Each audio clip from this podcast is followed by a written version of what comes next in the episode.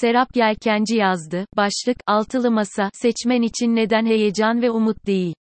Evet, bu sistem ucube olabilir, ancak sistem fabrika ayarlarına, yine bu ucube sistemde seçmenin vereceği oya bağlı olacak değişecek ya da değişmeyecektir. Bu da seçmenle inatlaşarak değil, seçmenin beklentisi olan aday ile gerçekleşecektir.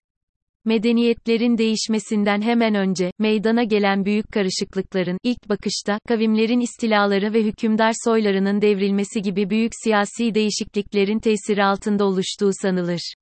Fakat bu hadiseler dikkatle incelenirse, onların dıştan görünen sebeplerinin arkasında, kavimlerin düşüncelerinde husule gelen değişmelerin hakiki sebep olduğu anlaşılır. Medeniyetlerin yenileşmesini doğuran başlıca önemli değişiklikler fikirlerde, anlayışlarda ve inançlarda oluşan değişikliklerdir.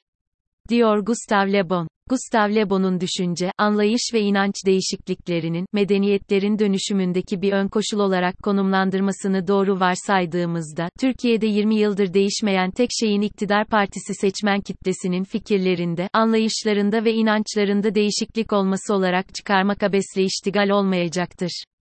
Bu akıl yürütme bize şu ve benzeri bir takım soruları sordurur. Muhalefet bloğu, seçmenin fikirlerini, anlayışlarını ve inançlarının farkında mı?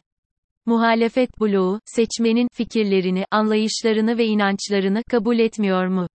Muhalefet bloğu, kendi fikirleri, anlayışları ve inançları uğruna mevcut iktidar seçmenini yok mu sayıyor? Muhalefet bloğu, hangi matematiksel formül ile seçimi kazanabileceğini öngörüyor? Muhalefet bloğu, seçmen mi ithal edecek? Pandemiden sonra, tüm dünyanın fikirlerinde, anlayışlarında ve inançlarında çok büyük değişimler olduğu gerçeğini de göz önüne aldığımızda, bu değişim rüzgarını arkasına alabilme potansiyeli olan muhalefet bloğu seçmenle aday, sistem inatlaşmasını devam ettirmeye niyetli gözüküyor. Şimdi biraz, aday, sistem inatlaşması kavramına mercek tutmakta fayda görüyorum. Muhalefet bloğu, seçmen kitlesine aday değil, sistem baskısı yaparken aslında seçmen fikir, anlayış ve inançları söz konusu olduğunda bir karşılığı yok. Çünkü muhalefet bloğunun söylemiyle fikir, anlayış ve inançlarda değişiklik olmaz. Bir önceki yazıda da detaylandırdığım gibi, Türk kültürü, Enneagram 8 yani, lider, kahraman, odaklı bir seçmen kitlesine sahip. Kültür değişimleri ise öyle hemen değişkenlik göstermez. Yani aday değil, sistem söyleminin seçmen kitlesinde hiçbir karşılığı yok. Bu ucube sistem değişirse Türkiye değişir. Tek adam sistemi, tek adama karşı hepimiz söylemleri ennagram 8 olan bir kültürde karşılık bulmaz, bulmuyor da. Bu yüzden seçmen kararsız. Muhalefet bloğunun adayı koruyup kollamak, yıpratılmamasını sağlamak amacıyla aday odaklı iletişim yapmadığını kabul ettiğimizde ise yine ennagram 8 olan bir kültür ile çelişiklik söz konusu. Enneagram 8, lider odaklıdır.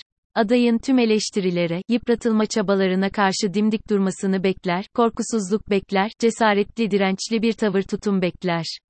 Seçimi aday kazanacak. Muhalefet bloğu, seçimi kazanmak istiyorsa, seçmenli aday, sistem kavgasını bir an önce bitirmeli.